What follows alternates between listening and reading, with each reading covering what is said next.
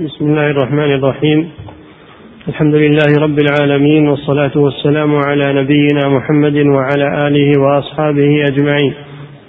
أما بعد قال المؤلف رحمه الله تعالى وقال الله تعالى سأصرف عن آياتي الذين يتكبرون في الأرض بغير الحق وإن يروا كل آية لا يؤمنوا بها وإن يروا سبيل الرشد لا يتخذوه سبيلا.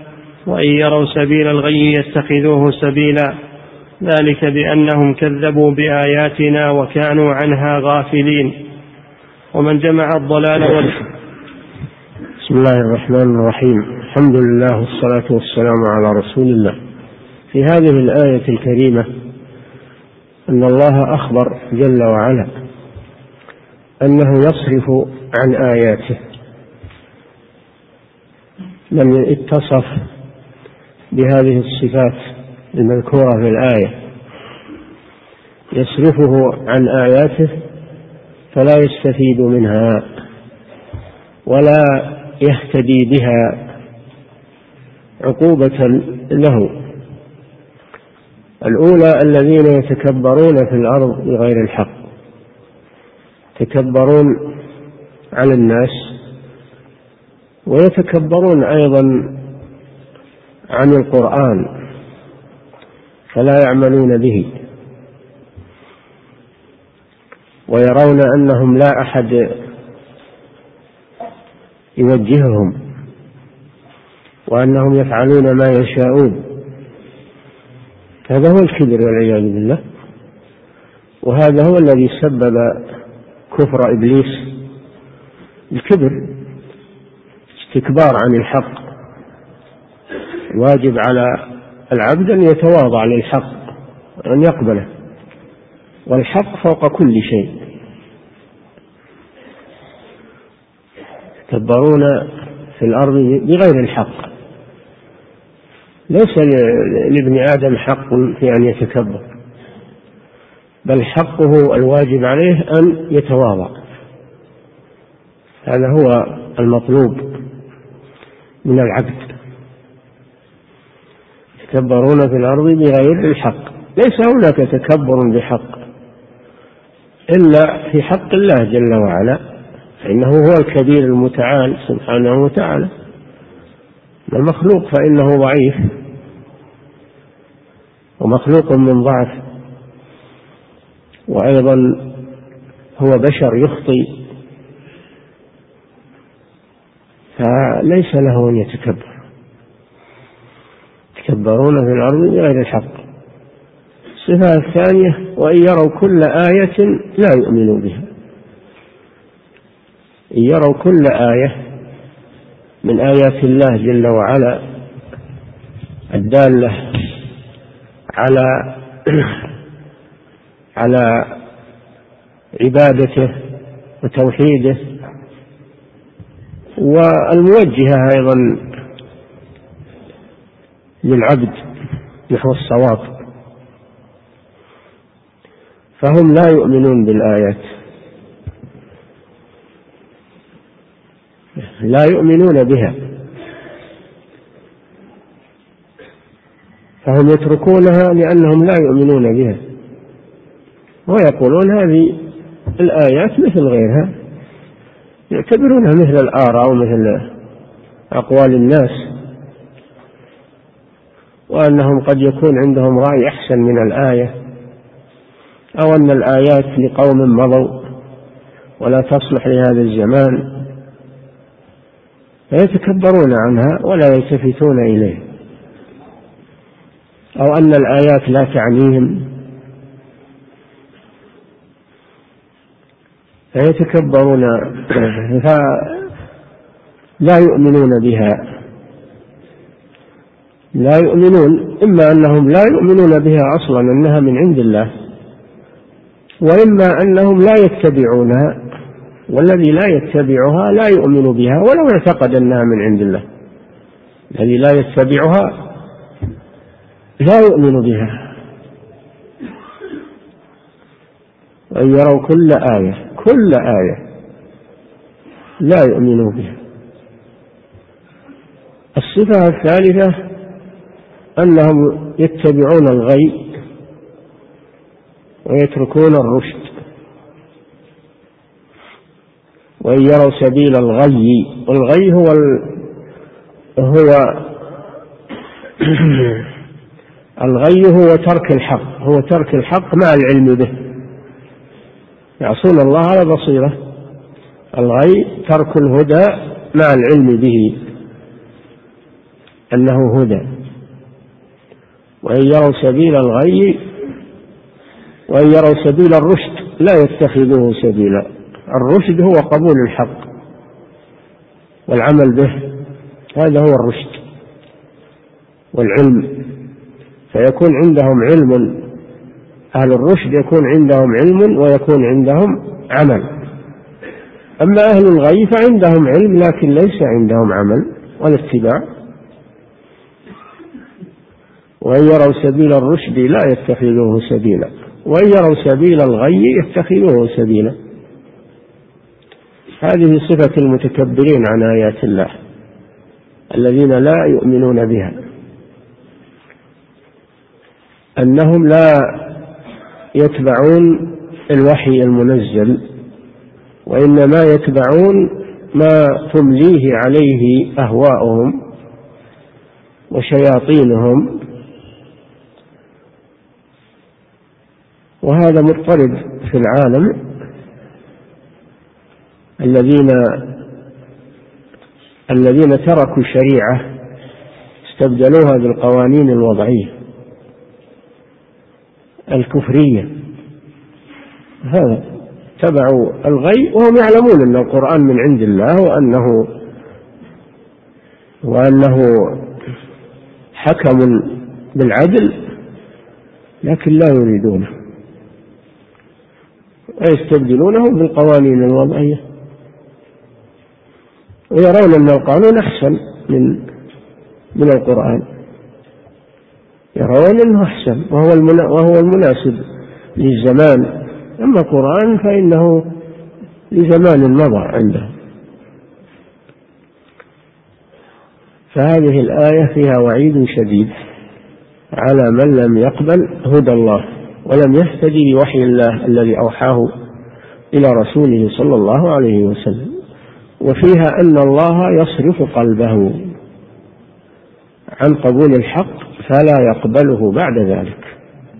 كما قال تعالى ونقلب أفئدتهم وأبصارهم كما لم يؤمنوا به أول مرة قال تعالى فلما زاغوا أزاغ الله قلوبهم فلا حيلة فيهم ولا طمع في رجوعهم. لأنهم ما تركوا الحق عن جهل فإذا بين لهم قبلوه وإنما تركوه عن عناد وبعد معرفة له. فهذا هو الذي يصرف عن الحق.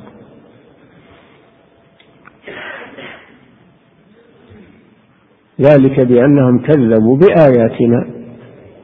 هذا هو السبب الذي حملهم على هذه المخالفات أنهم يكذبون بآيات الله إما يكذبوا أن يكذبوا بأصلها وإما أن يكذبوا ب وإما أن يكذبوا بهدايتها وصلاحيتها.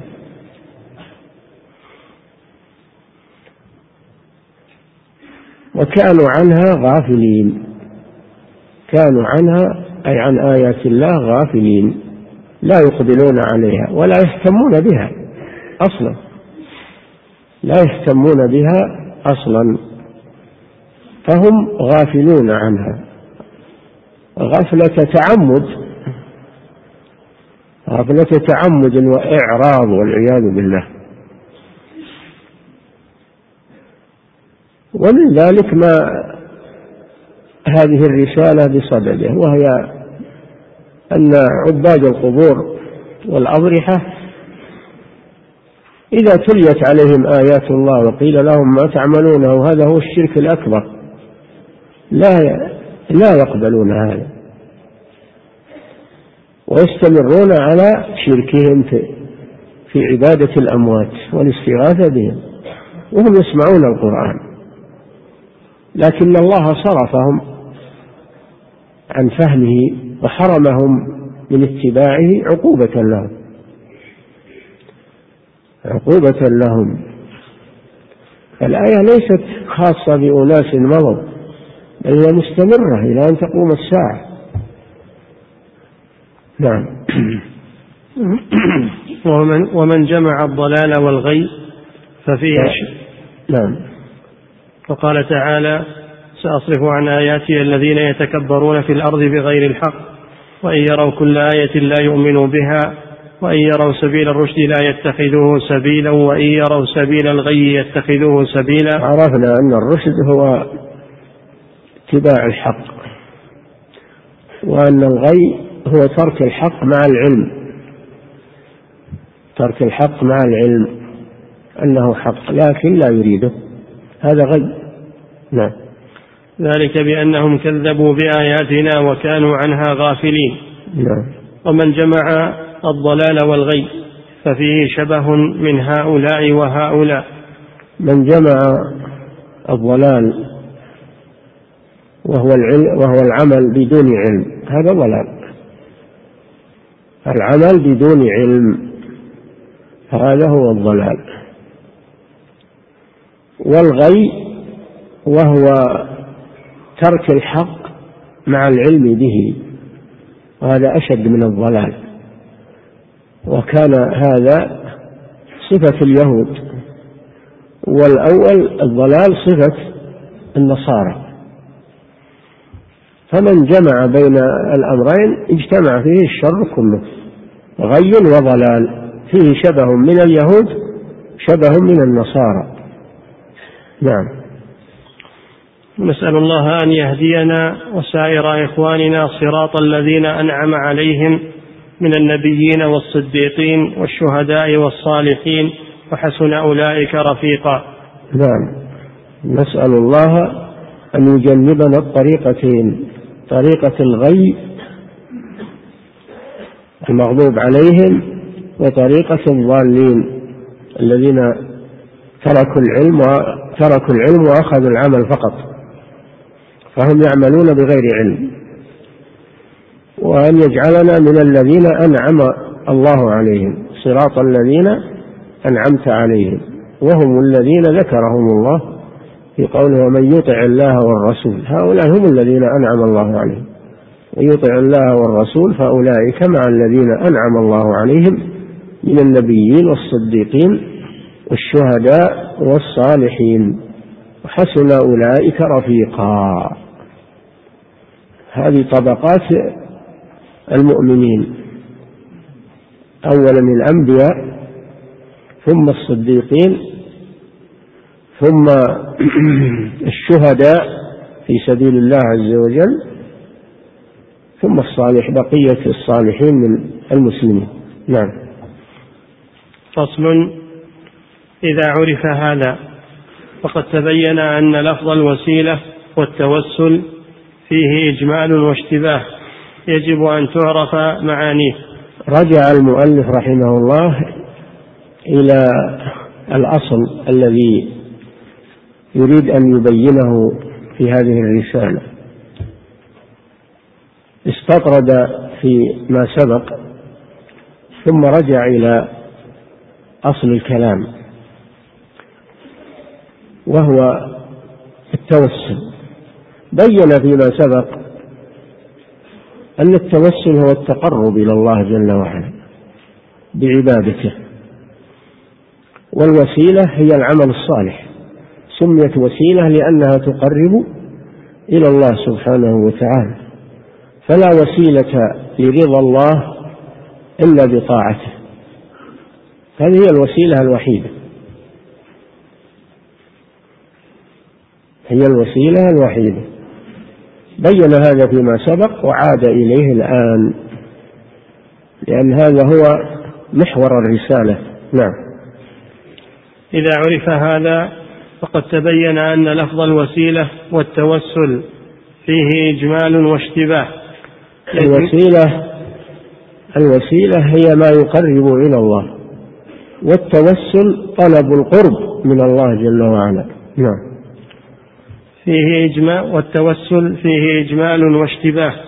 يجب أن تعرف معانيه ويعطى كل ذي حق حقه فيعرف ما ورد به الكتاب والسنة من ذلك ومعناه.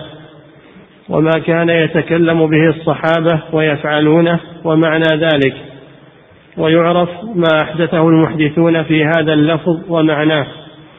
الناس في مسألة التوسل والوسيلة أو التوسل والوسيلة تنقسم إلى ثلاثة أقسام. القسم الأول ما جاء به القرآن والسنة. ما جاء به القرآن والسنة. والذي جاء به القرآن والسنة أن الوسيلة هي العمل الصالح. سميت بذلك لأنها تقرب إلى الله. والتوسل هو القرب. أو طلب التقرب. هذا هذه الوسيلة في القرآن. يا أيها الذين آمنوا اتقوا الله وابتغوا إليه الوسيلة. يعني ما يقربكم إليه. ابتغوا أي اطلبوا ما يقربكم إليه. في الآية الأخرى أولئك الذين يدعون يبتغون إلى ربهم الوسيلة. يبتغون إلى ربهم الوسيلة. أي القرب من الله جل وعلا. يدعون قال يدعون. أو المراد يدعون ما يدعوه أهل الجاهلية والقبوريون. أن الذين يدعونهم هم عباد لله يرجون رحمته ويخافون عذابه فكيف يدعون مع الله جل وعلا؟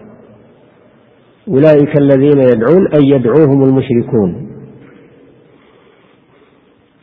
يدعوهم المشركون. يبتغون هم هم أنفسهم يبتغون إلى ربهم الوسيلة لأنهم فقراء الملائكة والأنبياء الصالحون عباد لله. يتقربون إلى الله جل وعلا ويرجون رحمته ويخافون عذابه. لا يصلحون للعبادة. لأنهم عباد محتاجون إلى الله فقراء إلى الله. هذا هو التوسل في القرآن. الثاني التوسل عند الصحابة. كما قال عمر اللهم إنا كنا نتوسل إليك بنبينا فتسقينا وإننا نتوسل إليك بعم نبينا فاسقنا. لما أجدبوا واستسقوا قال عمر هذه المقالة. كنا نتوسل إليك بنبينا يعني في حياته صلى الله عليه وسلم. فلما مات عدلوا إلى أقرب الناس إليه وهو العباس بن عبد المطلب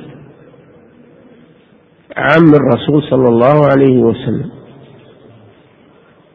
طلبوا منه أن يدعو لهم.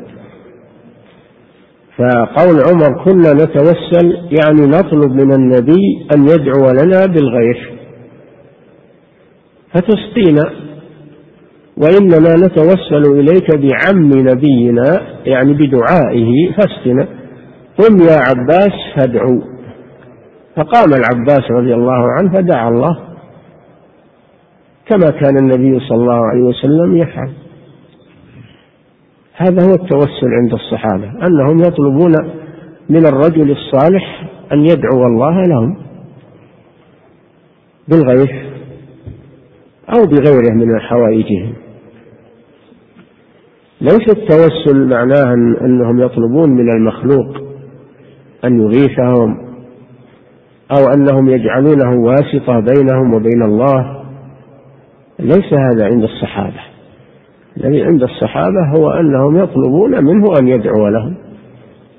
كما استسقى عمر رضي الله عنه بالعباس. واستسقى معاوية رضي الله عنه بالجرشي أو الجرشي الأسود بن يزيد الجرشي أو نحو من هذا الاسم بمعنى أنه طلب منه أن يدعو لهم لصلاحه. هذا هو المعروف عند الصحابة. هو المعروف عند الصحابة أن التوسل بالشخص هو طلب دعائه. لا التوسل بذاته.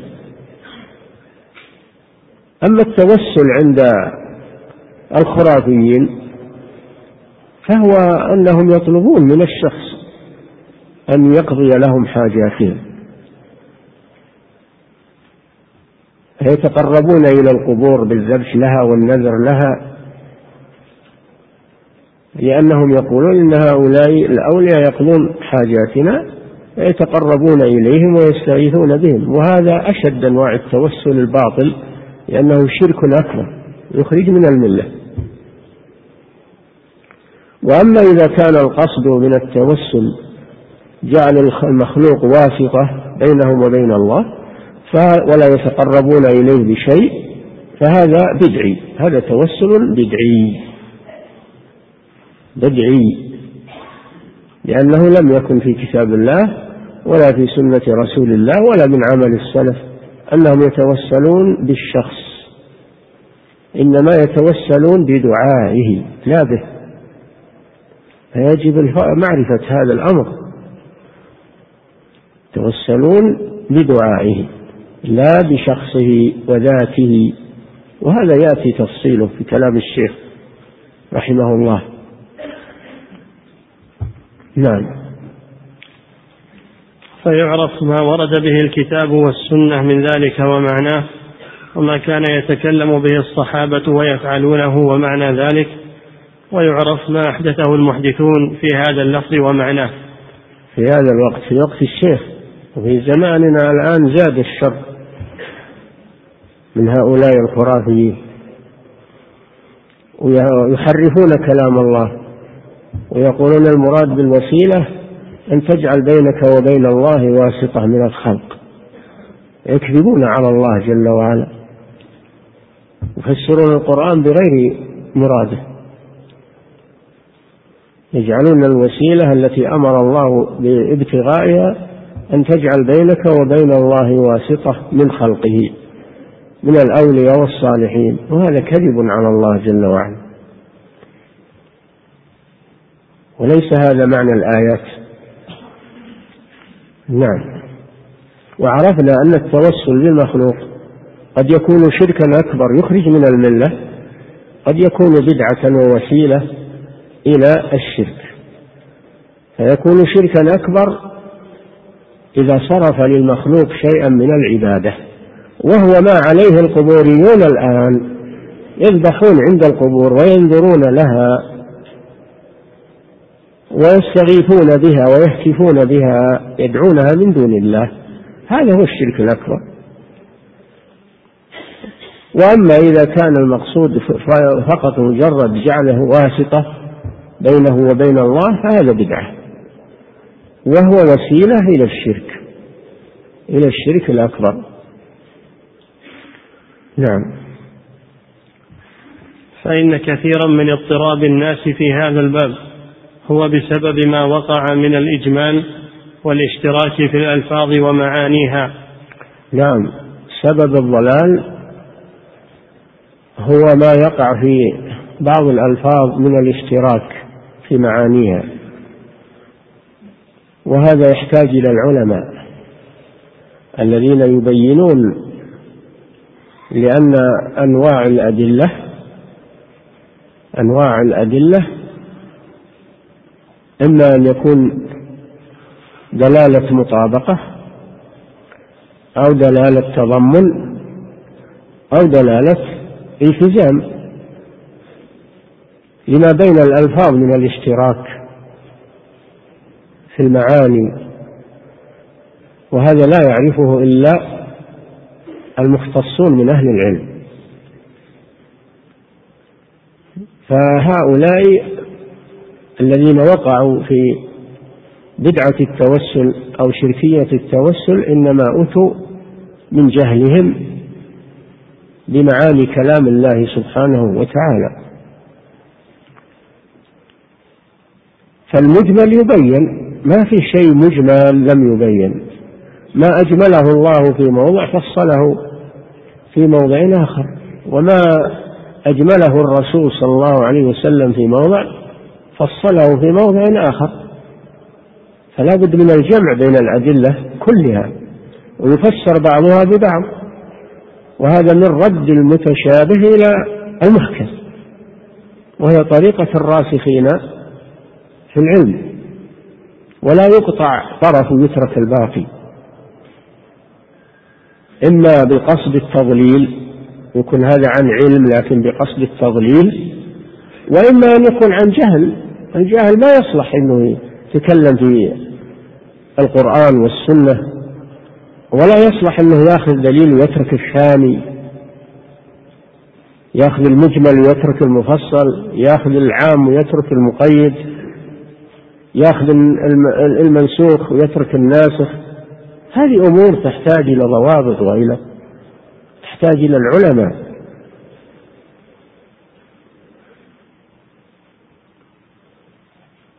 نعم. فإن كثيرا من اضطراب الناس في هذا الباب. والإمام ابن القيم رحمه الله يقول وعليك بالتفصيل فالإجمال والإطلاق دون بيان قد شوش هذا الوجود وخبط وخبط العقول وخبط العقول في كل أواني. نعم. فالآفة إنما تأتي من أناس لا يعرفون المجمل والمفصل والمطلق والمقيد و لا يعرفون هذه الأمور. أو يعرفونها ويضللون الناس. نعم. فإن كثيرا من اضطراب الناس في هذا الباب هو بسبب ما وقع من الإجمال والاشتراك في الألفاظ ومعانيها. من الإجمال. شوف من الإجمال. لأن النصوص لأن آه، الآيات والأحاديث فيها مجمل وفيها مفصل. نعم. بسبب ما وقع من الإجمال والاشتراك في الألفاظ ومعاني اشتراك يعني في المعنى. يكون اللفظ تكون الألفاظ مشتركة في معنى من المعاني. ولا تشترك في كل المعنى وإنما تشترك في بعضه. نعم. بسبب ما وقع من الإجمال والاشتراك في الألفاظ ومعانيها. نعم. حتى تجد حتى تجد أكثرهم لا يعرف في هذا الباب فصل الخطاب. لا يعرف هذا الأمر ويدخل فيه مع جهله. مع جهله يدخل في في الاستدلال وهو لا يحسن الاستدلال طريقة الاستدلال. نعم. فلفظ الوسيلة مذكور في القرآن في قوله تعالى يا أيها الذين آمنوا اتقوا الله وابتغوا إليه الوسيلة. وفي قوله تعالى قل ادعوا الذين زعمتم من دونه فلا يملكون كشف الضر عنكم ولا تحويلا. أولئك الذين يدعون يبتغون إلى ربهم الوسيلة أيهم أقرب ويرجون رحمته ويخافون عذابه. إن عذاب ربك كان محذورا. فالوسيلة التي أمر الله أن تبتغى إليه وأخبر عن ملائكته وأنبيائه أنهم يبتغونها إليه هي ما يتقرب إليه من الواجبات والمستحبات. التي أمر الله أن تبتغى في قوله وابتغوا إليه الوسيلة. والتي كان الملائكة والأنبياء الذين يدعوهم المشركون يبتغونها من الله جل وعلا. هي الطاعة والعبادة. نعم. الوسيلة التي أمر الله أن تبتغى إليه وأخبر عن ملائكته وأنبيائه أنهم يبتغونها إليه هي ما يتقرب إليه من الواجبات والمستحبات. فهذه الوسيلة من الطاعات الواجبة والمستحبة يعني من الفرائض والنوافل. هذه هي الوسيلة. نعم. فهذه الوسيلة التي أمر الله المؤمنين بابتغائها تتناول كل واجب ومستحب وما ليس بواجب ولا مستحب لا يدخل في ذلك سواء كان محرما أو مكروها أو مباحا. نعم الوسيلة هي الطاعة الواجبة كالفرائض أو المستحبة كالنوافل وأما ما ليس بواجب ولا مستحب فإنه لا يكون وسيلة. لا يكون وسيلة إلى الله سبحانه وتعالى. نعم.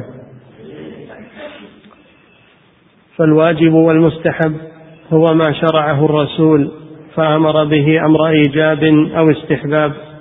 والواجب والمستحب هو ما دل القرآن والسنة على وجوبها واستحبابه نعم. وأصل ذلك الإيمان بما جاء به الرسول. فجماع الوسيلة التي أمر الله الخلق بابتغائها هي التوسل إليه باتباع ما جاء به الرسول. نعم. لا وسيلة لأحد إلا الله. لا وسيلة توسل المشروع هو العبادة والطاعة أو اتباع الرسول صلى الله عليه وسلم. اتباع الرسول وسيلة تقرب إلى الله جل وعلا. ربنا آمنا بما أنزلت واتبعنا الرسول فاكتبنا مع الشاهدين. هكذا قال الحواريون. ربنا آمنا بما أنزلت واتبعنا الرسول فاكتبنا مع الشاهدين. توسلوا إلى الله باتباعهم الرسول وهو عيسى عليه السلام. وهؤلاء هم الحواريون أتباع المسيح عليه السلام. وفي سورة آخر السورة آل عمران في آخرها في دعاء أولي الألباب أنهم يقولون ربنا إننا سمعنا مناديا ينادي للإيمان أن آمنوا بربكم فآمنا. ربنا فاغفر لنا ذنوبنا وكفر عنا سيئات. فآمنا توسلون إلى الله بإيمانهم بهذا الرسول صلى الله عليه وسلم الذي ناداهم ودعاهم إلى الإيمان. نعم. هذا هو هذا هو التوسل إلى الله بالعبادة باتباع الرسول صلى الله عليه وسلم وطاعته. نعم. فجماع الوسيلة التي أمر الله الخلق بابتغائها هو التوسل إليه باتباع ما جاء به الرسول. لا وسيلة لأحد إلى الله إلا ذلك. نعم. والثاني لفظ الوسيلة في الأحاديث الصحيحة كقوله صلى الله عليه وسلم سلوا الله لي الوسيلة فإنها درجة في الجنة. لا هذا هذا موضع ثالث. موضع ثالث من مواضع ذكر الوسيلة في القرآن. مواضع ذكر الوسيلة في السنة. مواضع ذكر الوسيلة في السنة. القرآن ذكر ذكر وسيلتين أو آيتين في التوسل. جاءت السنة أيضا بنوع من الوسيلة وهو المنزلة العالية في الجنة تسمى بالوسيلة. ولهذا قال صلى الله عليه وسلم آه، قال صلى الله عليه وسلم في متابعة المؤذن متابعة المؤذن ثم إذا إذا انتهى قال اللهم رب هذه الدعوة الدعوة التامة الصلاة القائمة آت محمدا الوسيلة. ما هي الوسيلة؟ قال صلى الله عليه وسلم هي منزلة في الجنة. لا ينبغي أن تكون إلا لعبد من عباد الله. وأرجو أن أكون هو. فمن سأل الله لي الوسيلة يعني هذه المنزلة حلت له شفاعتي. نعم. والثاني لفظ الوسيلة في الأحاديث الصحيحة كقوله صلى الله عليه وسلم سلوا الله لي الوسيلة فإنها درجة في الجنة لا تنبغي إلا لعبد من عباد الله وأرجو أن أكون أنا ذلك العبد. من سأل الله لي الوسيلة حلت عليه شفاعتي يوم القيامة. وقوله نعم. يعني أن الله يجزيه بأن يشفع فيه الرسول صلى الله عليه وسلم. نعم.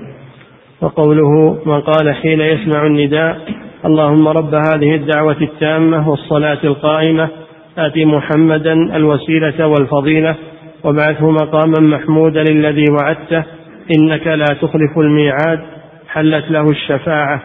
فعرفنا الوسيلة في القرآن وعرفنا الوسيلة في السنة. بقي الوسيلة عند الصحابة ما هي؟ نعم. فهذه الوسيلة للنبي صلى الله عليه وسلم خاصة. وقد أمرنا أن نسأل الله له هذه الوسيلة.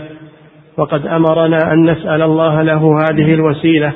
وأخبر أنها لا تكون إلا لعبد من عباد الله وهو يرجو أن يكون ذلك العبد. وهذه الوسيلة أمرنا أن نسألها للرسول وأخبرنا أن من سأل له هذه الوسيلة فقد حلت عليه الشفاعة يوم القيامة لأن الجزاء من جنس العمل. فلما دعوا للنبي صلى الله عليه وسلم استحقوا أن يدعو هو لهم. فإن الشفاعة نوع من الدعاء. لأن حلت له شفاعة عليه شفاعتي. شفاعة الرسول يوم القيامة هي الدعاء أن يدعو الله له. فكما أن المسلم دعا الله للرسول صلى الله عليه وسلم في الدنيا فإن فإن الرسول صلى الله عليه وسلم يدعو له يوم القيامة بأن ينجيه الله من الأهوال والنار. لأن الجزاء من جنس العمل. نعم. فإن الشفاعة نوع من الدعاء كما قال إنه من صلى عليه مرة صلى الله عليه بها عشرا. نعم. هذا الجزاء من جنس العمل. فمن صلى على النبي صلى الله عليه وسلم مرة واحدة صلى الله عليه بها عشرا. وصلاة الله على عبد ثناؤه على عبده. في الملأ الأعلى. صلاة الله ثناؤه على عبده في الملأ الأعلى. وإذا أثنى الله على عبد فإنه يسعد في الدنيا والآخرة. نعم. وأما التوسل بالنبي صلى الله عليه وسلم والتوجه به في كلام الصحابة فيريدون به التوسل بدعائه وشفاعته. أما التوسل الذي جاء في كلام الصحابة في حق النبي صلى الله عليه وسلم والذي يستدل به الجهال أو المغرضون في أنه توسل بذاته عليه الصلاة والسلام حيا وميتا فهذا باطل لأن المراد التوسل بدعاء النبي صلى الله عليه وسلم. يفسر هذا قول عمر الآتي. كنا نتوسل إليك بنبينا فتسقينا يعني بدعائه صلى الله عليه وسلم. ولو كان التوسل بذاته لما كان هناك فرق بين حياته وموته عليه الصلاة والسلام.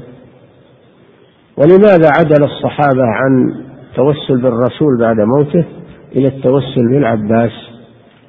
لأن التوسل ليس بالذات وإنما هو بالدعاء. والرسول مات ولا يدعو. إذا عدلوا إلى الحي وهو العباس عم الرسول صلى الله عليه وسلم.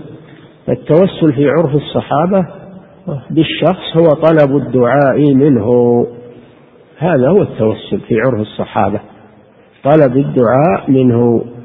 يتوسلون بدعائه لهم. نعم. والتوسل به في عرف كثير من المتأخرين. هذا النوع الثالث الباطل. نعم. والتوسل به في عرف كثير من المتأخرين. يراد به الإقسام به والسؤال به كما يقسمون ويسألون بغيره من الأنبياء والصالحين ومن يعتقدون فيه الصلاح. هذا هذا عند المتأخرين الذين غلطوا في في معنى التوسل. يريدون التوسل بالذات بذات الرسول أو بذات الولي. وهذا باطل لأنه لا يتوسل إلى الله بأحد من خلقه. لأن هذا معناه الإقسام على الله.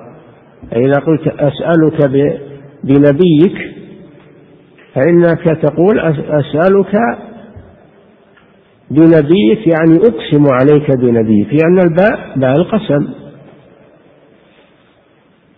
والنبي صلى الله عليه وسلم يقول من سألكم بالله فأعطوه. بالله يعني من أقسم عليكم أن تعطوه فأعطوه. إجلالا لله سبحانه الذي سألكم به. اتقوا الله الذي تساءلون به والأرحام. تساءلون به والأرحام. نعم. وحينئذ فلفظ التوسل يراد به معنيان صحيحان باتفاق المسلمين ويراد به معنى ثالث لم ترد به سنة. معنيان صحيحان. الأول وهو ما جاء في القرآن كما سبق والثاني توسل عند الصحابة وأن معناه طلب الدعاء من من الحي الحاضر عندهم. وأما الثالث وهو الإقسام على الله بمخلوق من خلقه فهذا لا يجوز. لا يجوز أن تقسم على الله بمخلوق أو بحق مخلوق أو بصلاح فلان. صلاح فلان له. كيف تتوسل إلى الله بعمل فلان؟ توسل إلى الله بعملك أنت. لا تتوسل إليه بعمل فلان لأن عمل فلان له ما هو بلك الله جل وعلا يقول تلك أمة قد خلت لها ما كسبت ولكم ما كسبتم. لما كان اليهود يفتخرون بأنهم يفتخرون بأنهم أولاد إبراهيم وأولاد إسحاق و الله جل وعلا يقول هؤلاء عملهم لهم وعملكم لكم. تلك أمة قد خلت يعني مضت لها ما كسبت ولكم ما كسبتم. فلا ينفعك عمل فلان إنما ينفعك عملك. ولا تتوسل إلى الله بعمل فلان وصلاح فلان توسل إلى الله بعملك أنت. نعم. وحينئذ فلفظ التوسل يراد به معنيان صحيحان باتفاق المسلمين.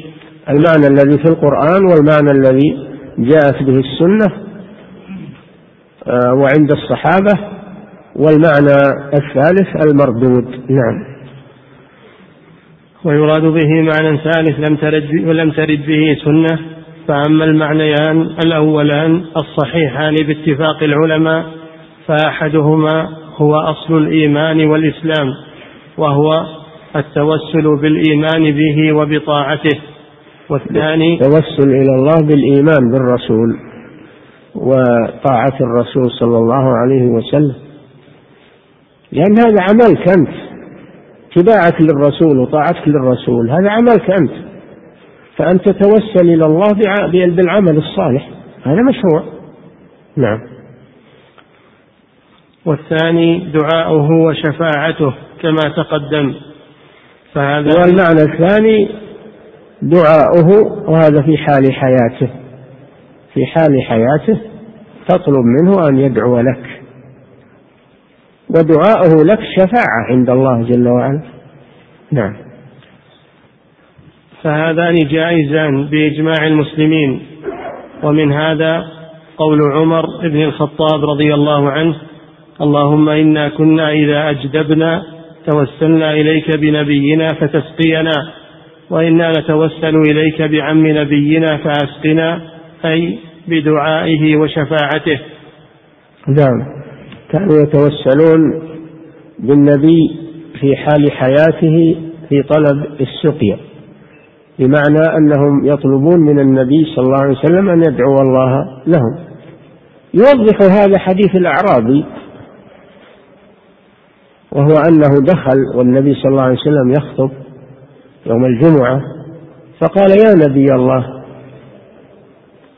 قحطت أجدبت الأرض وانقطعت السبل. وذكر ما هم فيه من الشدة. فادعوا الله ان يسقينا فرفع النبي صلى الله عليه وسلم يديه فدعا الله أن يسقيهم. فنشأت سحابة ما في السماء شيء يقول ما في السماء ولا قزعة. فنشأت قزعة صغيرة. ثم كبرت وتوسعت ثم رعدت وأبرقت ثم انهمر المطر. والنبي صلى الله عليه وسلم يخطب. فهذا يوضح أن المراد من التوسل بالنبي صلى الله عليه وسلم أنه طلب الدعاء منه. طلب الدعاء منه. نعم.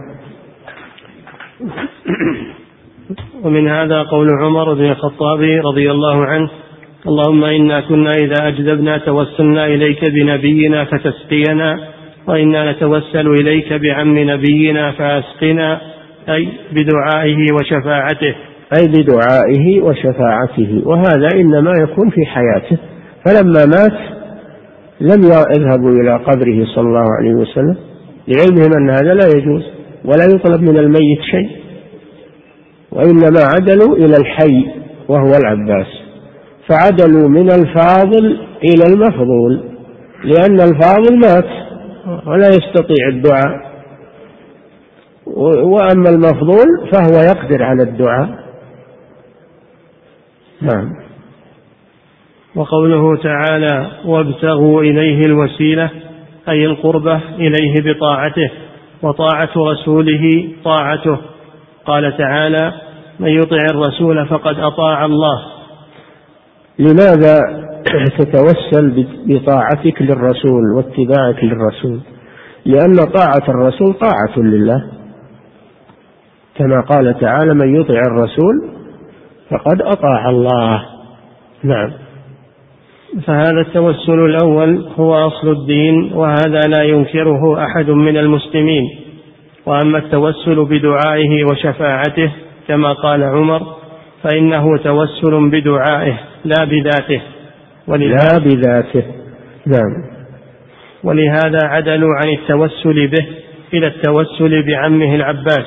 عدلوا عن التوسل به صلى الله عليه وسلم بعد موته إلى عمه العباس لأن الميت لا يدعو. إذا مات ابن آدم انقطع عمله. ينقطع دعاء أو غيره. ينقطع. فهم عدلوا عن طلب الدعاء من النبي صلى الله عليه وسلم بعد موته إلى الحي الذي يمكن أن يدعو لهم وهو العباس. نعم. لقربه من النبي صلى الله عليه وسلم. نعم. ولهذا عدلوا عن التوسل به إلى التوسل بعمه العباس ولو كان التوسل هو بذاته لكان هذا أولى من التوسل بالعباس. لو كان التوسل بالرسول معناه توسل بذاته لم يكن هناك فرق بين حياته وموته. أما الدعاء فهناك فرق. فلذلك عدلوا عن التوسل بالرسول إلى التوسل بالعباس. فيدل هذا على أن المراد بالتوسل عندهم هو الدعاء. نعم. التوسل بذاته. نعم. فلما عدلوا عن التوسل به إلى التوسل بالعباس علم أن ما يفعل في حياته قد تعذر بموته. نعم ما يفعل في حياته وهو طلب الدعاء منه والشفاعة منه انتهى بموته فلا يطلب منه شيء عليه الصلاة والسلام. نعم. بخلاف التوسل الذي هو الإيمان به والطاعة له فإنه مشروع دائما. أما التوسل بطاعته صلى الله عليه وسلم واتباعه فهذا مشروع في حياته صلى الله عليه وسلم وبعد موته. لا ينقطع الاتباع والطاعة بموت الرسول صلى الله عليه وسلم. فأنت إذا فعلت الآن الطاعة فقد أطعت الرسول صلى الله عليه وسلم. إذا تركت المعصية فقد أطعت الرسول صلى الله عليه وسلم. وهو ميت عليه الصلاة والسلام. فالاتباع والطاعة لا ينقطعان بالموت. وأما الدعاء فينقطع بالموت. نعم. فلفظ التوسل يراد به ثلاثة معان. كما سبق. نعم. أحدها التوسل بطاعته فهذا فرض لا يتم الإيمان إلا به. التوسل بالرسول صلى الله عليه وسلم ثلاثة أنواع. الأول التوسل بطاعته واتباعه. وهذا لا ينكره أحد. نعم. والثاني التوسل بدعائه وشفاعته. عليه الصلاة والسلام. بدعائه الضمير يرجع للرسول صلى الله عليه وسلم. وهذا إنما يجوز في حياته لا بعد موته. نعم. وهذا كان في حياته ويكون يوم القيامة يتوسلون بشفاعته. نعم وفي يوم القيامة لأنه صلى الله عليه وسلم حي. لأنه حي فيذهبون إلى الأنبياء يطلبون منهم الشفاعة في أن يريحهم الله من الموقف فيعتذرون كلهم. إلى أن يأتوا إلى محمد صلى الله عليه وسلم فيقول أنا لها. فيذهب ويخر ساجدا بين يدي ربه حتى يقال له يا محمد ارفع رأسك وادعو آه، وادعو تستجب واشفع تشفع. فعند ذلك يشفع في الخلق فيريحهم الله من الموقف. وهذا هو المقام المحمود الذي قال الله فيه ومن الليل فتهجد به نافلة لك عسى أن يبعثك ربك مقاما محمودا. الشفاعة العظمى هي التي لجميع الخلق هي المقام المحمود الذي يحمده عليه الأولون والآخرون. وهو حي صلى الله عليه وسلم في ذاك الوقت والناس أحياء بعثوا. بعثوا يوم القيامة صاروا أحياء بعد الموت. نعم. والثالث التوسل به بمعنى الإقسام على الله بذاته والسؤال بذاته. أما الثالث فهو التوسل بالرسول بمعنى التوسل بذاته. والحلف على الله بالرسول صلى الله عليه وسلم. ولا يجوز الحلف بالمخلوق. قال صلى الله عليه وسلم من حلف بالله فقد كفر من حلف بغير الله فقد كفر أو أشرك. لا يجوز الحلف بالمخلوق مطلقا. فكيف يحلف بالمخلوق على الله جل وعلا؟ ما يجوز أن تحلف بالمخلوق على المخلوق وهو شرك. فكيف تحلف بالمخلوق على الله جل وعلا؟ نعم. والثالث التوسل به بمعنى الإقسام على الله بذاته والسؤال بذاته فهذا هو الذي لم تكن الصحابة يفعلونه في الاستسقاء ونحوه لا في حياته ولا بعد مماته لا, لا عند قبره ولا غير قبره. ولا يعرف هذا في شيء من الأدعية المشهورة بينهم وإنما ينقل شيء من ذلك في أحاديث ضعيفة في أحاديث ضعيفة مرفوعة وموقوفة. نعم. التوسل به صلى الله عليه وسلم التوسل بذاته بعد موته بعد موته إنما يروى فيه أحاديث لا يحتج بها إما موضوعة وإما ضعيفة شديدة الضعف. نعم. حكايات وما حكايات. وهذا لا لا يكون دليلا. فالتوسل بذات الرسول لا يجوز لا حيا ولا ميتا ولا غير الرسول. لا يجوز التوسل بالمخلوق إلى الله جل وعلا. نعم. أو عمن ليس قوله حجة كما سنذكر ذلك إن شاء الله. أو قال به من من العلماء من ليس قوله حجة. الحجة ما قاله الله ورسوله وليست الحجة بما قاله فلان وعلان. نعم. كما سنذكر ذلك إن شاء الله تعالى. وهذا هو الذي قال أبو حنيفة وأصحابه إنه لا يجوز ونهوا عنه حيث قالوا لا يسأل بمخلوق ولا يقول أحد أسألك بحق أنبيائك. نعم. هذا أنكره أقدم الأئمة الأربعة وهو أبو حنيفة رحمه الله وأصحابه أنكروا الإقسام على الله بمخلوق. نعم. قالوا لا يسأل بمخلوق ولا يقول أحد أسألك بحق أنبيائك. قال أبو الحسين القدوري قدوري. القدوري في كتابه الكبير في الفقه المسمى بشرح الكرخي في باب الكراهة. نعم. وقد ذكر هذا غير واحد من أصحاب أبي حنيفة. أنه مكروه يعني. ذكر غير والكراهة في عرف المتقدمين معناها التحريم. أما الكراهة كراهة التنزيه هذه عند المتأخرين. أما الأقدمون إذا قالوا يكره فمعناه يحرم. كل ذلك كان سيئه عند ربك مكروها. وفيه الشرك في أول لا تدعو مع الله إلها آخر. نعم. قال بشر بن الوليد حدثنا أبو يوسف قال قال أبو حنيفة لا ينبغي لأحد أبو حنيفة له ثلاثة تلاميذ هم الذين اختصوا بحمل مذهبه وهم أوثق الناس. أبو يوسف هذا واحد والثاني محمد بن الحسن الشيباني والثالث زفر بن الهذيل. هؤلاء هم أصحاب أبي حنيفة آه، المختصون بنقل الرواية عنه رحمهم الله. وكلهم حكوا عنه أنه يكره توسل بذات المخلوق. نعم. قال بشر بن الوليد حدثنا أبو يوسف قال قال أبو حنيفة لا ينبغي لأحد أن يدعو الله إلا به. نعم. وأكره أن يقول بمق... وأكره أن يقول بمعاقد العز من عرشك لأن العرش مخلوق. العرش مخلوق فلا يتوسل إلى الله به. نعم. أو بحق خلقك. نعم. وهو قول أبي يوسف. قال أبو يوسف بمعاقد العز من عرشه هو الله فلا أكره هذا وأكره أن يقول بحق فلان أو بحق أنبيائك ورسلك وبحق البيت الحرام والمشعر الحرام. فإذا فسر معاقد العز أبو حنيفة لم يفصل يكره هذا ولا يفصل. أما أبو يوسف ففصل.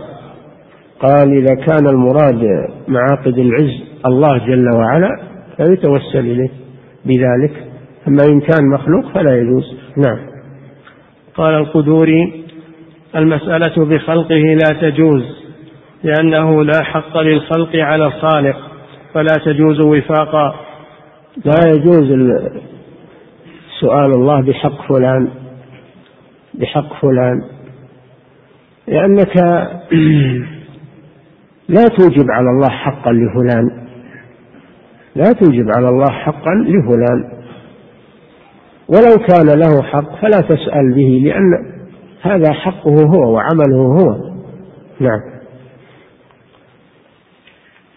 قال القدوري المسألة بخلقه لا تجوز لأنه لا حق للخلق على الخالق فلا تجوز وفاقا. لا نعم لا حق واجب على الخالق. لا حق واجب على الخالق سبحانه. أما الحق الذي تفضل الله به فهذا صحيح. الله تفضل وكان حقا علينا نصر المؤمنين. هذا حق الله هو الذي تفضل به. لا إن المخلوق هو الذي ألزم الله به وجعله على الله جل وعلا. فلا أحد يفرض على الله شيئا. نعم. وهذا الذي قاله أبو حنيفة و... وكذلك حديث حديث أتدرون ما حق الله على العباد؟ حق العباد على الله. حق العباد حق الله على العباد أن يعبدوه ولا يشركوا به شيئا. وحق العباد على الله ألا يعذب من لا يشرك به شيئا. هذا حق تفضل الله به. لا أن أحدا أوجبه عليه سبحانه. نعم. وهذا الذي قاله أبو حنيفة وأصحابه من أن الله لا يسأل بمخلوق له معنيان. أحدهما هو موافق لسائر الأئمة الذين يمنعون أن يقسم أحد بالمخلوق فإنه إذا منع أن يقسم, أن يقسم على مخلوق بمخلوق. نعم. لو, لو أقسمت على مخلوق بمخلوق. ما جاز هذا. فكيف تقسم بالمخلوق؟ على الله عز وجل. لأن الإقسام بالمخلوق شرك كما يأتي. نعم. فإنه إذا منع أن يقسم على مخلوق بمخلوق فلأن يمنع أن يقسم على الخالق بمخلوق أولى وأحرى.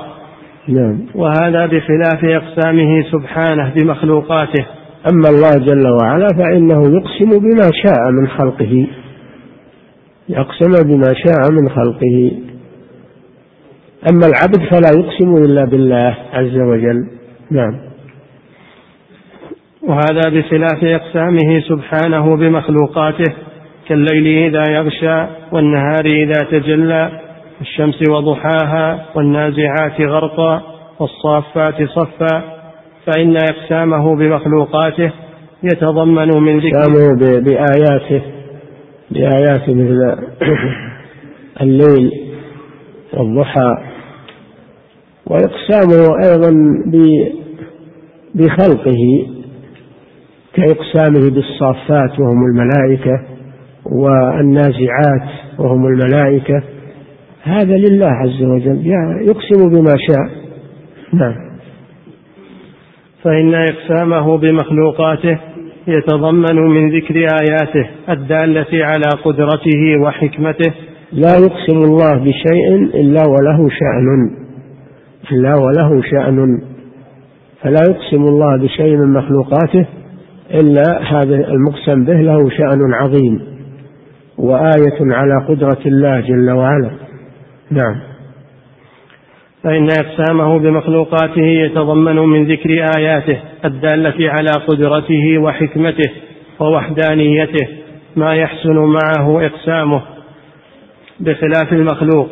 فإن إقسامه بالمخلوقات شرك بخالقها كما في السنن عن النبي صلى الله عليه وسلم أنه قال من حلف بغير الله فقد أشرك. وقد صححه الترمذي وغيره وفي لفظ فقد كفر وقد صححه الحاكم. نعم. وقد ثبت عنه في الصحيحين أنه قال من كان حالفا فليحلف بالله أو ليصمت وقال لا تحلفوا بآبائكم فإن الله ينهاكم أن تحلفوا بآبائكم وفي الصحيحين عنه أنه قال من حلف باللات والعزى فليقل لا إله إلا الله. من حلف باللات والعزى صنمان من أصنام الجاهلية. فليقل لا إله إلا الله. يعني أنه أشرك؟ فعليه أن يطهر أن يطهر نفسه بالتوحيد. فيقول لا إله إلا الله لتكون كفارة لما حصل منه من الشرك. نعم. وقد اتفق المسلمون على أن من حلف بالمخلوقات المحترمة أو بما يعتقده وحرمته كالعرش والكرسي والكعبة والمسجد الحرام والمسجد الأقصى ومسجد النبي صلى الله عليه وسلم والملائكة والصالحين والملوك وسيوف المجاهدين وتراب الأنبياء والصالحين وإيمان السدق وسراويل الفتوة. عند الصوفية عند الصوفية سراويل الفتوة عند الصوفية. نعم. وغير ذلك نعم. وغير ذلك لا ينعقد يمينه ولا كفارة في الحلف بذلك. نعم. من حلف بغير الله فقد أشرك. فعليه التوبة وليس عليه كفارة. ليس عليه كفارة يمين إذا حلف فيها وخالف ما حلف عليه. ليس عليه كفارة لأنها يمين غير مشروعة والكفارة إنما تكون في اليمين المشروعة. وهو الحلف بالله عز وجل إذا حلفت بالله أنك تفعل شيء أو لا تفعل شيء وخالفت وجبت عليك الكفارة لأن هذه يمين مشروعة. أما إذا حلفت بمخلوق فهذه ليست مشروعة ولا منعقدة وليس فيها كفارة لكن عليك التوبة إلى الله عز وجل. نعم. والحلف بالمخلوقات حرام عند الجمهور وهو مذهب أبي حنيفة وأحد القولين في مذهب الشافعي وأحمد. حرام أو مكروه كراهة تنزيه للنهي عنه والصحيح أنه حرام. نعم. وقد حكي إجماع الصحابة على ذلك وقيل هي مكروهة كراهة تنزيه. اي نعم هم لا يقولون إنها جائزة. يقولون إنها إما حرام وإما مكروهة كراهة تنزيه. نعم. وقيل هي مكروهة كراهة تنزيه والأول أصح حتى قال الأول أصح أنها حرام أن تحريم أن أن كراهتها كراهة تحريم وليست كراهة تنزيه. نعم. حتى قال عبد الله بن مسعود وعبد الله بن عباس وعبد الله بن عمر لأن أحلف بالله كاذبا. حب إلي من أن أحلف بغيره صادقا. نعم لأن الكذب سيئة والشرك سيئة. أيهم أشد؟ سيئة الشرك أو سيئة الحلف؟ الشرك أشد. ولهذا قال ابن مسعود وغيره من الصحابة لا أن أحلف بالله كاذبا. أحب إلي من أن أحلف بغيره صادقا. لأنني إذا حلفت بالله كاذبا هذه خطيئة وذنب لكنها أخف من الشرك وهو الحلف بالمخلوق. ولو كان صادقا في يمينه أو في حلفه. نعم. وذلك لأن الحلف بغير الله شرك والشرك أعظم من الكذب وإنما نعرف النزاع في الحلف بالأنبياء. نعم نقف عند هذا. مسألة الحلف بالنبي هل تجوز أو لا تجوز؟ حلف بالنبي خاصة؟ فيها خلاف ويأتي إن شاء الله. نعم. يقول فضيلة الشيخ وفقكم الله. هل يجوز أن نقول اللهم إنا نتوسل إليك بطاعتنا لنبيك صلى الله عليه وسلم؟ نعم. توسل إليك بطاعتنا لنبينا واتباعنا له. هذا عملك هذه عبادة. نعم. يقول فضيلة الشيخ وفقكم الله. ما حكم قول الدعاء هذا عند الذهاب إلى المسجد؟ اللهم إني أسألك بحق السائلين عليك وبحق ممشاي هذا إليك. هذا ورد عن الرسول صلى الله عليه وسلم لكن فيه مقال.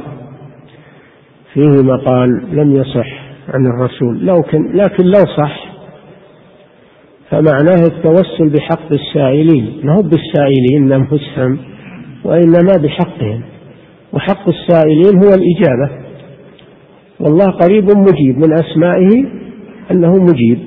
فحق السائلين على الله أن يجيبهم. فأنت تسأل الله بشيء أوجبه على نفسه سبحانه وتعالى. وأنت لا تتوسل بالسائلين أنفسهم وإنما تتوسل بحقهم على الله وهو الإجابة. هذا لو صح الحديث. نعم. يقول فضيلة الشيخ وفقكم الله هل قول عمر وهذا يأتي إن شاء الله سيجيب عنه الشيخ. نعم.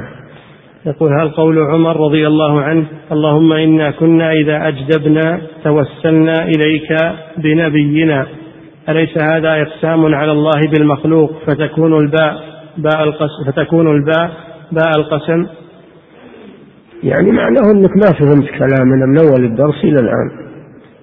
نقول هذا ما هو بتوسل بالمخلوق توسل بالدعاء بدليل أن أن عمر قال قم يا عباس فادعوا قم يا عباس فادعوا فهذا توسل بدعاء المخلوق لا بالمخلوق نفسه. لأنه قال ادعوا نعم. يقول فضيلة الشيخ وفقكم الله كيف نجيب على من يقول إن توسل عمر بالعباس رضي الله عنهم رضي الله عنهما لا يمنع التوسل بالنبي صلى الله عليه وسلم بعد موته. وذلك لأن عمر يريد أن يعلمهم جواز التوسل بالمفضول مع وجود الفاضل. هذا كلام جاهل ولا ضال يريد أن يضلل الناس؟ هذا كلام جاهل ولا كلام ضال يريد أن يضلل الناس؟ كلام عمر واضح ما فيه التواء. نعم إنه يقصد الدعاء من العباس. نعم.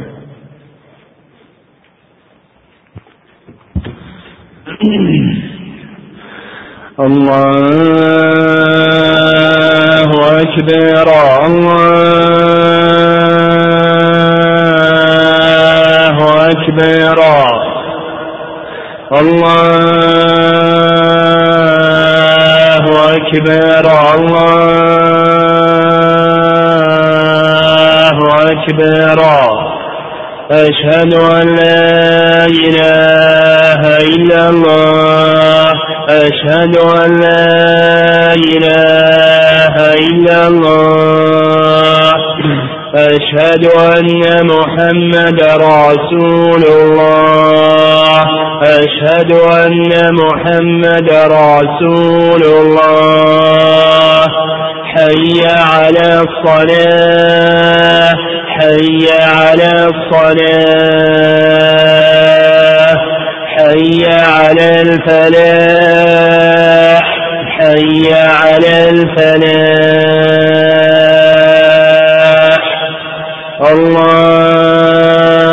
الله أكبر الله أكبر لا إله إلا الله لا إله إلا الله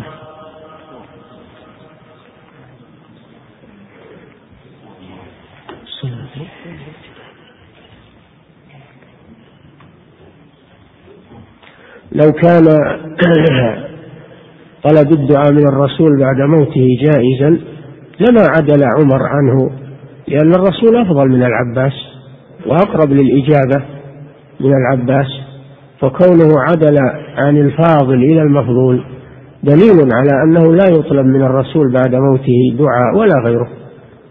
هذا فقه الصحابة رضي الله عنهم. أما فقه هؤلاء الحثالة الذين يحرفون الكلمة عن مواضعه ينصر مذاهبهم الباطلة فلا عبرة به. نعم. يقول فضيلة الشيخ وفقكم الله ما معنى ما ذكر المؤلف رحمه الله؟ أيمان السذق وسراويل الفتوة. الفتوة سراويل الفتوة هذه عند الصوفية عندهم خرافات وأشياء ما نعرفها. نعم. يقول فضيلة الشيخ وفقكم الله ورد في حديث الوسيلة بعد الأذان قوله وبعثه المقام المحمود الذي وعدته إنك لا تخلف الميعاد وقد مر سابقا معنا بدون إنك لا تخلف الميعاد. نعم الذي في الصحيحين؟ أنه ما فيه ذكر لا تخلف الميعاد إنما جاءت في بعض السنن جاءت في بعض السنن الله أعلم. نعم.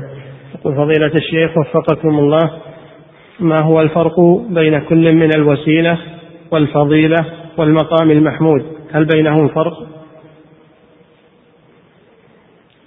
نعم الوسيلة منزلة في الجنة والمقام المحمود الشفاعة في الخلق يوم القيامة. بينهما فرق نعم. يقول فضيلة الشيخ وفقكم الله لدينا دكتور في الجامعة يقول إن التوسل بجاه الرسول صلى الله عليه وسلم مشروع وأنه رواية عن الإمام أحمد ويقول أيضا إن سب الصحابة ليس بكفر وبخاصة سب أبي بكر وعمر رضي الله عنهما ثم إنه يدعو إلى حوار الأديان. فكيف التعامل مع هذا الشخص؟ وفقكم الله أرجو توجيهنا في هذا. هذا يجب أنكم تأخذون عليه محضر من كلامه تسجلون عليه الكلام هذا وهو ما يدري في الفصل ويفرغ من الشريط وترفعونه لدار الإفتاء. هذا لا يترك يلعب على الناس. يجب عليكم هذا لأن هذا من إنكار المنكر. ولا يترك هذا يلعب على الطلاب وينشر بينهم الخرافات. وأشد من ذلك كلامه في الصحابة رضي الله عنهم. لا يترك أبدا ولا يسعكم السكوت. نعم. يقول فضيلة الشيخ وفقكم الله قال أحد المنتسبين للعلم وهو يدعو اللهم اغفر لنا بأتقى واحد فينا. هل هذا توسل نعم. يقول قال أحد المنتسبين للعلم وهو يدعو اللهم اغفر لنا بأتقى واحد فينا. فهل هذا توسل بالذات؟ لا. قصده أنه يعني شفع فينا هذا التقي. أتقانا شفعه فينا. نعم. يقول فضيلة الشيخ وفقكم الله هل هذا دعاء جائز أم هو توسل بغير الله؟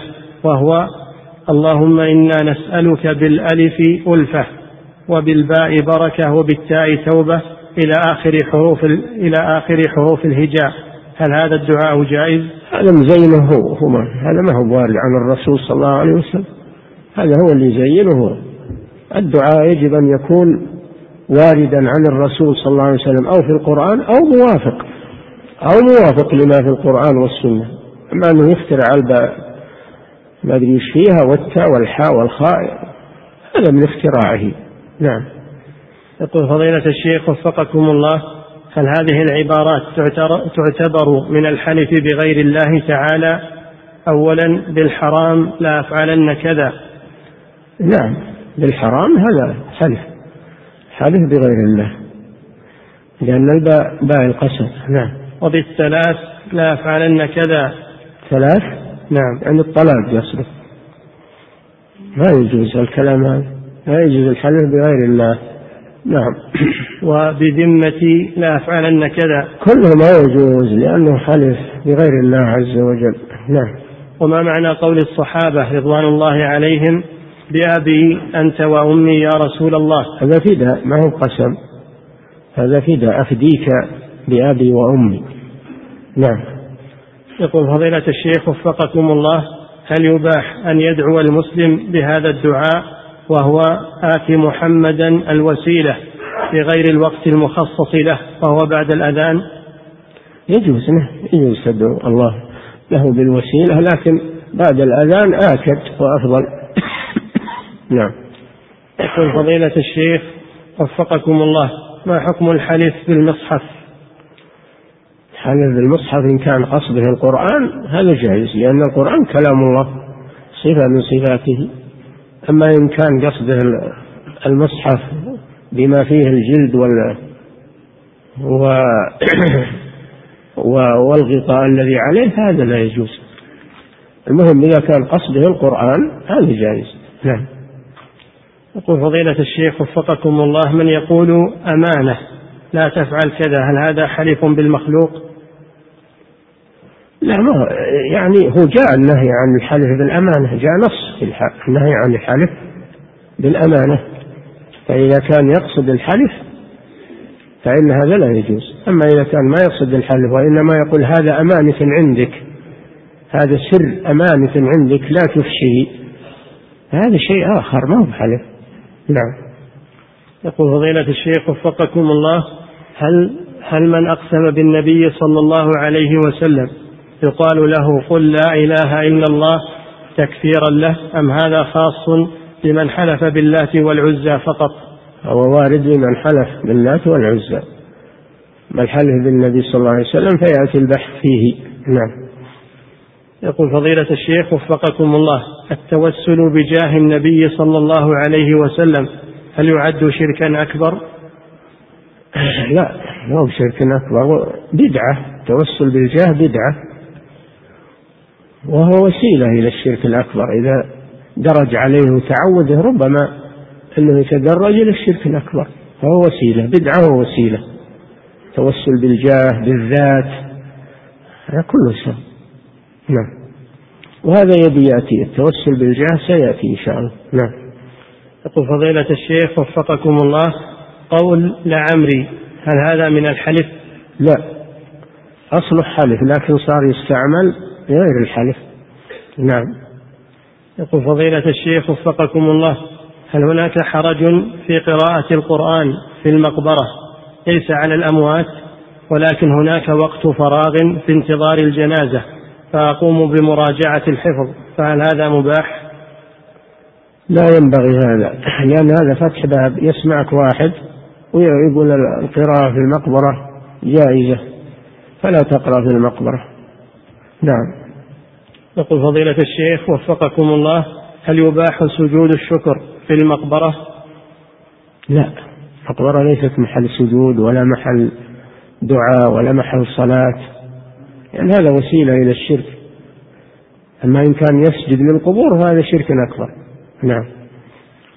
يقول فضيلة الشيخ وفقكم الله أنا طالب منحة من إحدى البلاد الأفريقية وفي وفي منطقتنا في أفريقيا المساجد خالية من الآبار ونحن نحتاج إلى الصلاة ونحتاج للوضوء وليس عندنا ماء فنذهب في بعض الأحوال إلى بيوت النصارى المجاورة لطلب الماء منهم فتواجهنا أنواع من التوبيخات فهل يجوز لنا أن نتيمم في هذه الحال؟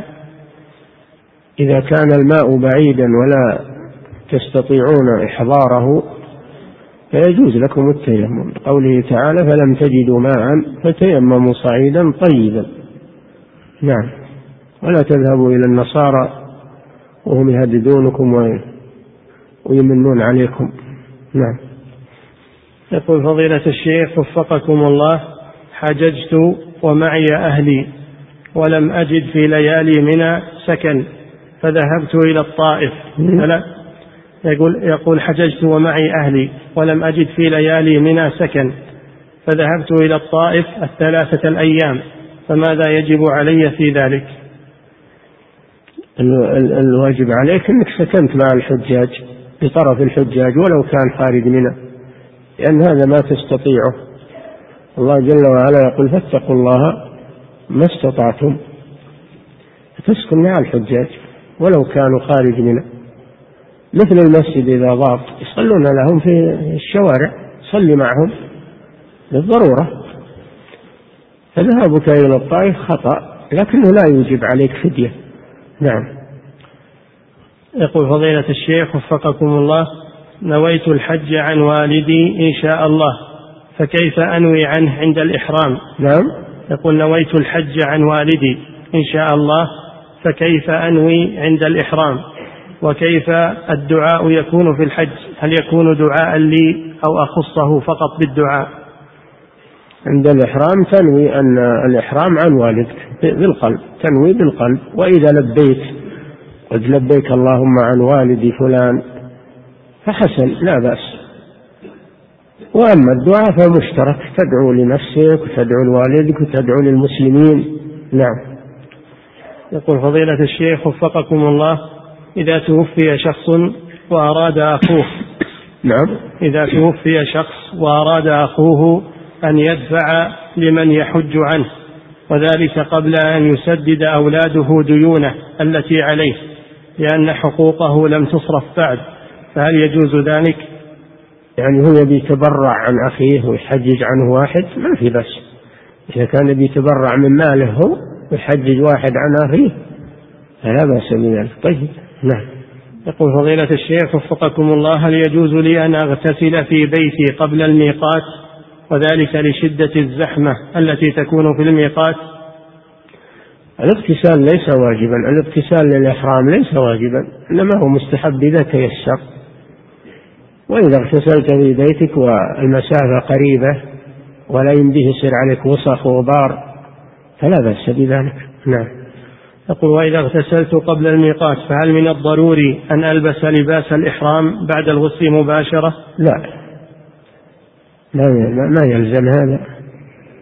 تغتسل وإذا وصلت الميقات تلبس ملابس الإحرام وتنوي وتلبي أو مثلا في الطائرة تغتسل بالرياض وتروح للطائرة وإذا حاذيت الميقات تلجأ وتحرم وتلبس ملابس الإحرام. نعم عند الإحرام. نعم. يقول فضيلة الشيخ وفقكم الله ما رأي فضيلتكم في هذا في هذا التقسيم؟ وهو أنواع التوسل بالنبي صلى الله عليه وسلم ثلاثة. الأول جائز في حياته وبعد مماته وهو التوسل بالإيمان به وبطاعته. والثاني جائز في حياته دون مماته وهو التوسل بدعائه. والثالث ممنوع في حياته وبعد مماته وهو التوسل بجاهه. هل هذا تقسيم صحيح؟ نعم هذا مأخوذ من مما مر من كلام الشيخ وغيره أنه على هذه الأقسام. نعم. لا بأس. يقول فضيلة الشيخ وفقكم الله ينقل عن فضيلتكم أنه يرى إباحة إقامة ما يسمى بمزاين الإبل. فهل هذا نقل صحيح؟ يجيب النقل عني يجيب النقل. نشوف. أنا ما قلت هذا. أنا ما قلت هذا. نعم. يقول فضيلة الشيخ وفقكم الله سائل يقول شاركتني إحدى قريباتي بشيء من المال. نعم. يقول شاركتني إحدى قريباتي بشيء من المال على أن أتجر به مع مالي. شاركتني إحدى قريباتي قريباتي نعم. بشيء من المال على أن أتجر به مع مالي على أن أعطيها خمسة بالمئة من ربح مالها.